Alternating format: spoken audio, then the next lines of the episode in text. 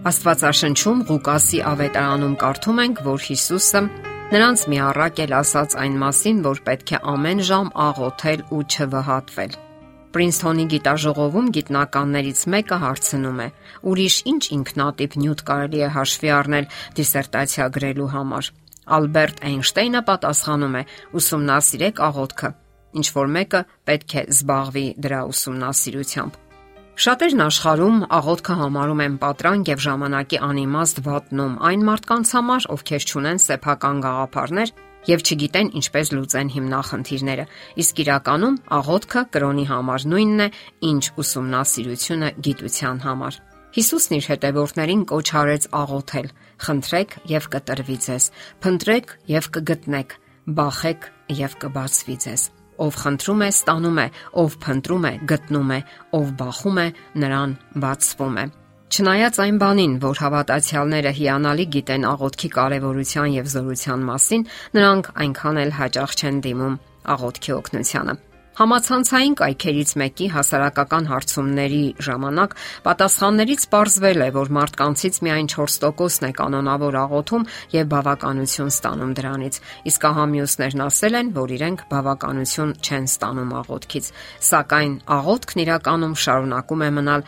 քրիստոնեական հավատի սիրտն ու հոգին։ Աղոթքը եւ ժամանակակից մարդը գրքում Ժակ Էլյուլը գրում է. Մարդը մեր ժամանակներում չգիտի ինչպես աղոթել եւ դեռ ավելին, նա ոչ ցանկություն ունի, ոչ էլ կարիք դրա համար։ Նա հիմնականում ապավինում է իր ուժին, իր մտքերին ու հմտություններին։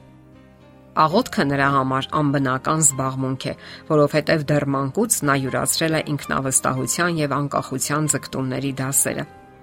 Քանի որ աղոթքը վճռական մարտահրավեր է ժամանակակից աշխարհի խորապես արմատացած արժեքներին, Նա, ինչպես գրում է Bill Hybels-ը, դառնում է սпарնալիք մարդկության ինքնուրույնության համար եւ սпарնալիք անկախ կյանքին։ Իսկ ահա քրիստոնեական հեղինակ Թոմաս Մերտոնը իրավացիորեն նշում է. Մենք կենթանի անլիարժեքություններ ենք, ճեղքեր, դատարկություն, որ ծարավի է լցվելու։ Եվ իսկապես աղոթքը միջոց է, որով մենք փորձում ենք գտնել մեր տեղը տիեզերքում, ընդունում ենք մեր սահմանափակությունը եւ կախվածությունը Աստծուց։ Մյուս կողմից աղոթքը այն հիմնական միջոցն է, որ օգտագործում է Աստված մեզ փոխելու, մեր կյանքին իմաստ հաղորդելու եւ մեղքի ծանր ստրկությունից ազատ ագրելու համար։ Իսկ ինչն է այսօր խանգարում մարդուն, որ նա դիմի Աստծուն եւ որոնի նրա առաջնորդությունը։ Դա մշակութային եւ հասարակական կարծրատիպերի ճնշումն է, որը իր հետ բերում է սթրես եւ հոգսեր, կենսական ապակողմնորոշում եւ անձի ճգնաժամ։ Հակառակ դրա գիտնականները վաղուց նկատել են աղոթքի կենարար ազդեցությունը մարդու առողջության վրա, եւ դա այսօր ապացուցում են գիտնականները։ Այդպիսի մի հետազոտություն է կատարվել եկեղեցիներից մեկում։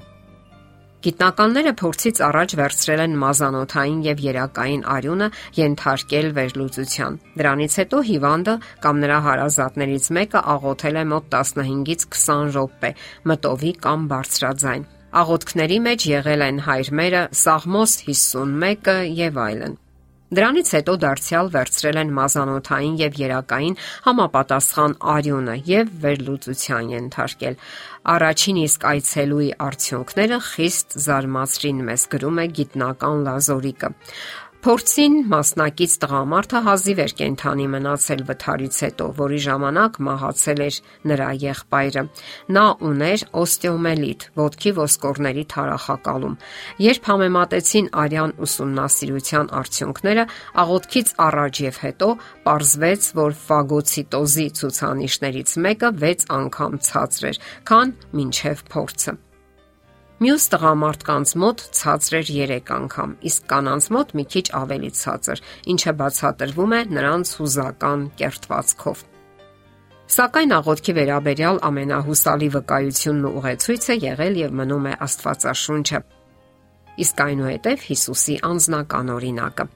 Աղոթքի վերաբերյալ Հիսուսը այսպիսի խորհուրդ տվեց. Երբ որ աղոթես, մտիր քո սենյակը, փակիր դուռդ եւ ծածուկ աղոթիր քո հորը եւ քո հայրը, որ տեսնում է ծածուկը, հայտնապես կհատուցի քեզ։ Աղոթքը հոգու շնչառությունն է եւ հոգեվոր կյանքի կանոնավոր բաղկացուցիչը։ Հոգեվոր կյանք նշանակում է կանոնավոր հաճախել եկեղեցի, շփվել Աստծո մյուս զավակների հետ եւ միասին աղոթել։ Հիսուսը նաև շեշտադրեց, որ եթե միտեղ 2, 3 եւ ավելի Աստծո զավակներ հավաքվում են իր անվան շուրջը, ինքն այնտեղ է։ Միաբան աղոթքը հրաշքներ է գործում։ Աստված հրաշալի պատասխաններ է տալիս Այդ պատասխանները մեզ հուսադրում են եւ քաջալերում, ավելանում է մեր հավատքը եւ զորությունը, ավելի ողջավորությամբ ենք լցվում մեր եւ ամենօրյա հոգեվոր կյանքին։ Աղոթքը մարդուն մղում է անկեղծության։